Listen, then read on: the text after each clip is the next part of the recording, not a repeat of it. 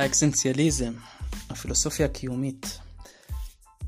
הזרם המהפכני הזה לוקח אותה פילוסופיה לכיוונים אחרים לגמרי, שם את הלוגיקה בצד ועוסק בבן אדם היחיד, הפרטי, המכריע, הבוחר, הבודד, האוהב, המיואש. הפילוסופים אה, נוקבים. לפעמים אנחנו קוראים את הדברים שהם כותבים ויש לנו איזה רעד כזה בגב. הם אה, משאירים אותנו חשופים. באיזשהו אופן אה, מכריחים אותנו להסתכל במראה.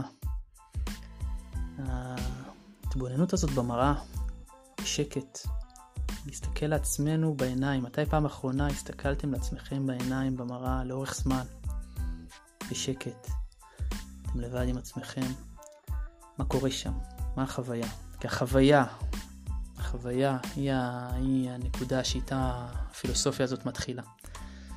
ויש פה פילוסופים ענקים כמו סארטר וקאמי והיידיגר ודוסטויבסקי וניטשה, אבל אני רוצה לחזור להתחלה, להביא אקסנציאליזם, להביא הפילוסופיה הקיומית לקירקגור. אני רוצה להקדיש לו את הדקות הקרובות.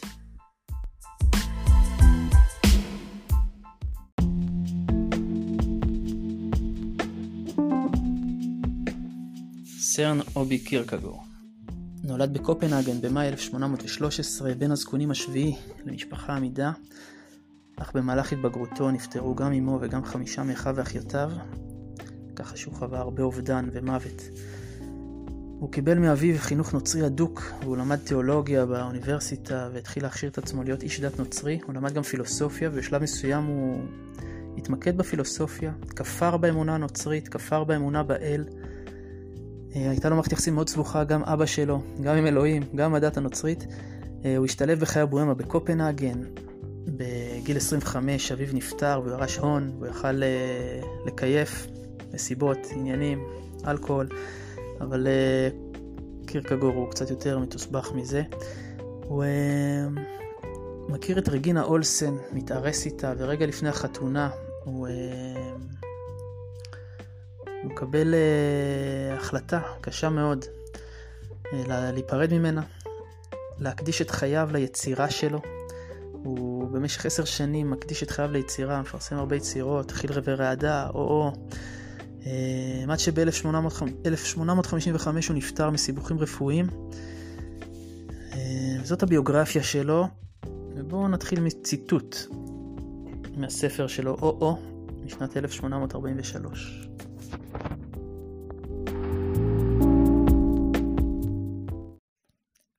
זה עתה חזרתי ממסיבה, שאני הייתי רוח החיים בה. שפתיי נטפו חוכמה ושנינות, כל אחד צחק והריץ אותי. אבל אני הלכתי משם. והמקף צריך להיות ארוך כאורך קו התבל. ורציתי לראות בעצמי. זה ציטוט של קירקגור, מתוך הספר שלו או-או, שיצא ב-1843. פה אנחנו רואים את שיטת העבודה של קירקגור. הוא הולך לחוויה האישית שלו, החוויה הזאת של אובדנות, שהוא באמת באמת חווה אותה, החוויה הזאת של הפערים העצומים האלה בין זה שהוא כוכב באיזה מסיבה, הולך הביתה, שוכב בודד במיטה שלו וחושב. להתאבד.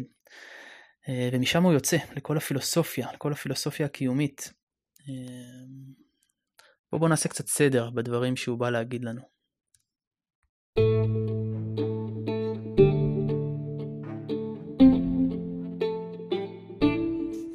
קירקגור מורד בהגות המערבית שקדמה לו, וקודם כל בפילוסוף המשפיע ביותר של זמנו של הגל. הגל אה, מציג מושגים מאוד מאוד גדולים כמו האמת, הזמן, החומר, רוח. מציג תהליכים היסטוריים אה, במבט הכי הכי רחב שלהם. וקירקגור בא ואומר, תפנה אל הסובייקט, תפנה אל החוויה הקיומית שלך עכשיו. עזוב אותך מכל הקשקושים הפילוסופיים האלה. אתה קם בבוקר, מסתכל במראה, מה אתה חווה? עם זה תעבוד. על, על זה יש מה להגיד. אה, אז דבר ראשון שהוא, שאפשר להגיד עליו זה שהוא מהפכן ענק. הוא פורץ פה דרך. אה, בואו נעשה סדר בדברים, כי בכל זאת הוא פילוסוף עם משנה סדורה. אה, יש לו תפיסת עולם מאורגנת יחסית. בואו נעשה סדר בדברים.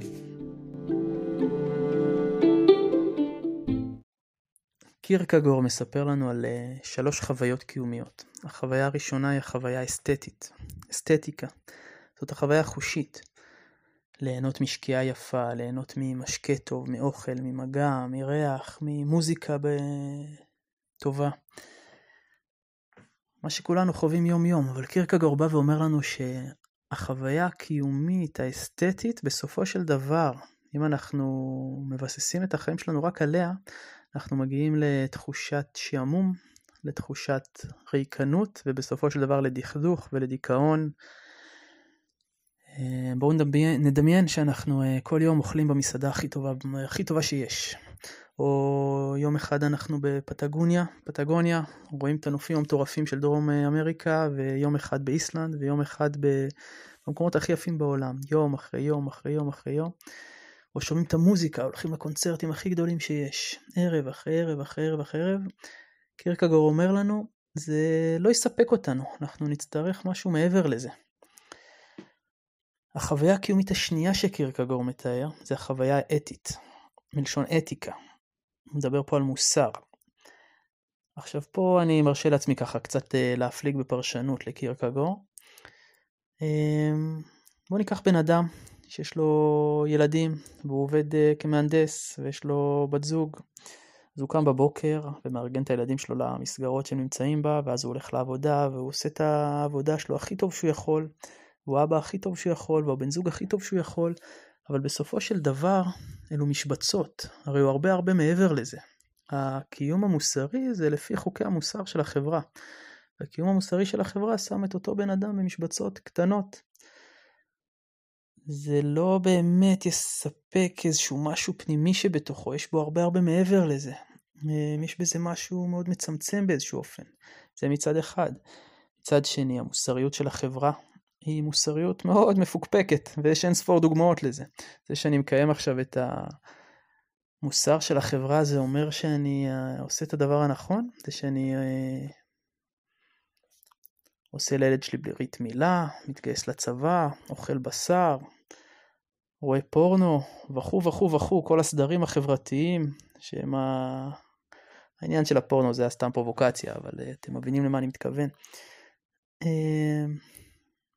מאוד מפוקפק העניין הזה של לעבוד עם האתיקה, כי הרי המוסר בסופו של דבר הוא נכפה עלינו מבחוץ באיזשהו אופן.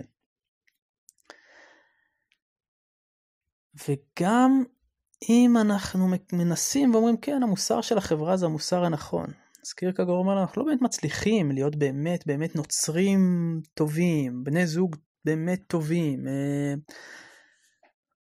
הורים באמת טובים, אנחנו גם שם אנחנו מגיעים למורכבויות מאוד גדולות.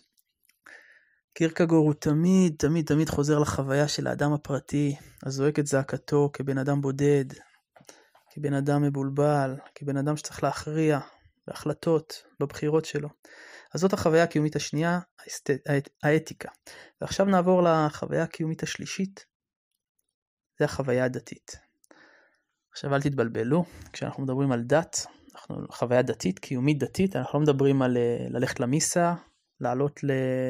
לעשות חאג' או להניח תפילין בבוקר. זה מבחינתנו יהיה בחוויה האתית, לפי החוקים המוסריים של החברה, ללכת כל יום למסגד. החוויה הדתית מבחינת קירקגור זה חיבור ישיר של הבן אדם, של הבן אדם, של הסובייקט עם אלוהים. זה אמונה תמימה שהיא מעבר לרציונליות, היא מעבר להיגיון שלנו, היא מעבר לחוקי החברה, למוסריות, היא מעבר לרציונליות ומעבר למוסריות. בגלל זה קירקגור הוא התיאולוג הגדול של הסובייקט. הוא משלב את ה... הוא מבחינתו, בחייו האישיים, הוא אה, האמין באלוהים, ואז כפר באמונה הזאת, ואז שוב האמין, והוכשר ל- ל- לעבוד כקום, כאיש דת נוצרי, והוא היה לו מערכת יחסים סבוכה עם אלוהים, הוא מכיר במורכבות, והוא אומר, אני בוחר לעבוד עם המושג הזה אלוהים. אני בוחר. מושג אלוהים, אני בוחר לעבוד איתו, לתת לו משמעות ולעבוד עם הדבר הזה, להבין מה המשמעות שלו בשבילי, ו... אותו סובייקט, אותו אדם פרטי שחי את חייו מתוך אמונה, תמימה, מתוך חיבור מאוד מאוד עמוק. עכשיו קירקגור לא אומר שהוא שמה, הוא מנסה להקדיש את חייו ולהיות שם, אבל הוא לא אומר שהוא שם. כשהוא נפרד מרגינה אולסן ואומר לה אני אוהב אותך אבל אנחנו לא נתחתן, אני הולך להקדיש את חיי ליצירה, הוא בעצם הולך על זה, על המהלך הזה. אפשר לראות את זה כאילו במדרגות כאלה, שהוא בהתחלה חווה את החוויה האסתטית והוא חי בחיים ה... של הבוהמה בקופנהגן, מסעדות, מסיבות, מוזיקה, אלכוהול. ואחרי זה הוא מתארס והוא לומד תיאולוגיה והוא אומר אני אעבוד ככומר ויהיה איש דת נוצרי ואז לאחר מכן הוא עוזב את הכנסייה הנוצרית, הוא עוזב את רגינה והוא אומר אני אקדיש את חיי לחוויה הקיומית השלישית. אפשר לראות את זה בתור מדרגות כאלה. זה לא ככה, זה כמובן הכל מעורבב. שלושת המעגלים הקיומיים האלה אנחנו חווים אותם גם וגם וגם. וקירקגור בא ואומר זה לא שאני שמה, אבל אני מצביע לכם, לכיוון. יש כיוון, ואני רוצה שתתבוננו מהצד על החוויה הקיומית שלכם ותשאלו את עצמכם שאלות ותשאלו מה באמת עושה לכם טוב, כי אתם צריכים אה, בסופו של דבר לקום בבוקר ולבחור. טוב, אז אה, פה דיברנו על שלושת החוויות הקיומיות לפי קירקגור, בואו נמשיך הלאה.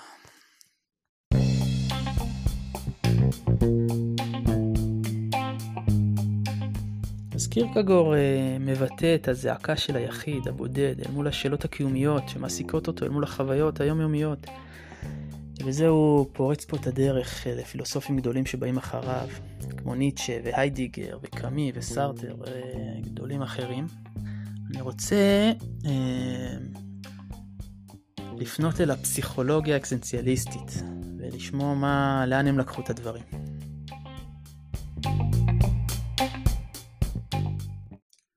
בספר פסיכותרפיה אקסנציאליסטית, ארווין יאלו מציג ארבע מצוקות קיומיות שמשותפות לכולנו, לכם ולי ולכל בן אדם בעולם. הבדידות, החירות, המשמעות והמוות. ארבע מצוקות קיומיות. בואו ננסה להבין כל אחת מהן. אוקיי, בואו נתחיל מהבדידות. אני מצוטט. הבדידות האנושית מתייחסת לפער שאינו ניתן לגישור בין האדם לזולתו. מבין ארבעת המצוקות הקיומיות האלה, האלו, אני מאוד מאוד מתחבר לזה. בואו נשים את זה על השולחן, בואו ניגע בזה, בואו ניתן לזה מקום, בואו נחווה את זה. את הבדידות שהיא חלק מהחיים שלנו. המצוקה השנייה זה החירות. נשמע מוזר, מה חירות? חופש זה... זה מצוקה? ההפך, חופש זה משהו שאנחנו שואפים אליו. אני מצוטט. החירות פירושה שהאדם אחראי לבחירותיו, לפעולותיו ולמצבו בחיים. אני מעדיף את הגדרתו של סארטר. להיות אחראי פירושו להיות הסופר. כל אחד מאיתנו הוא הסופר של סיפור חייו. אנחנו חופשיים להיות כל דבר, רק לא משועבד, משועבדים. נגזר עלינו החופש, כפי שסארטר היה אומר. ברעיון האחריות האישית, החופש האישי נעוצה חרדה. אנו חוששים מפני רעיון החירות המשתמע ממנו, כי מעבר לנו אין שום דבר, שום בסיס. מסיים את הציטוט של אה, יאלו. החופש שלנו לעצב את המציאות, להבנות את המציאות, לתת משמעות לדברים, החופש שלנו, הוא מעורר בנו חרדה, ואנחנו מאוד מאוד מאוד מצמצמים את עצמנו לדברים שיותר גדולים מאיתנו. עכשיו, בנוסף לזה אני רוצה להוסיף, ברגע זה אתם יכולים לקום ולעשות המון המון המון דברים. מגוון האפשרויות הוא עצום, וזה מעורר בנו גם כן חרדה. אנחנו מגבילים את עצמנו, מצמצמים את עצמנו, יוצרים לעצמנו סדרים וחוקים, רק לא להיות חופשיים, כי באמת, מה שאתם יכולים לעשות עכשיו זה לא נתפס, זה מאיים. אז דיברנו על בדידות ועל חופש, בואו נדבר על המוות. אני מצוטט.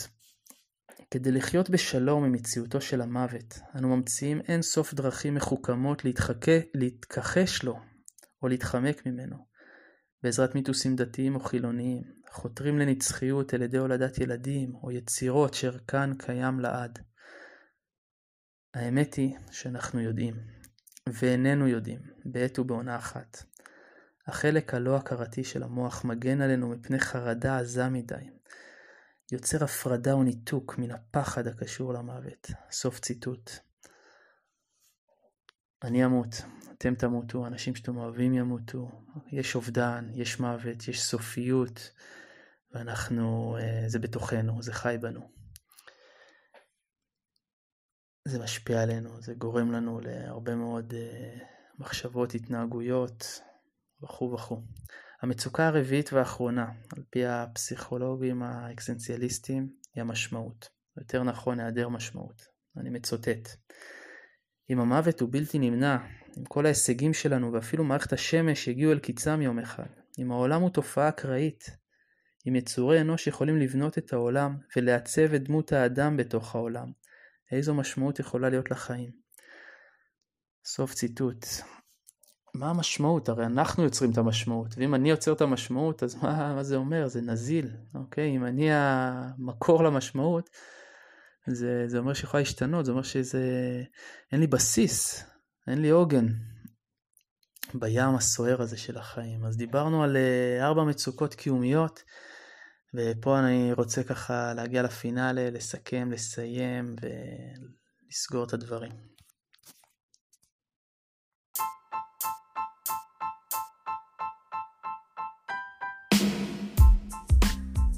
ה existence, אותה חוויה קיומית שקירקגור מנסה לתאר, אותה פגיעות, שבריריות.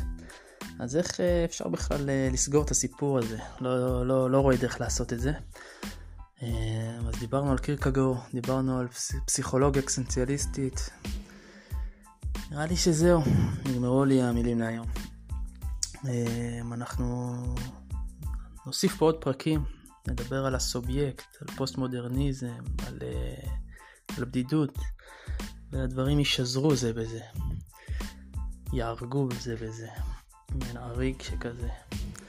טקסט.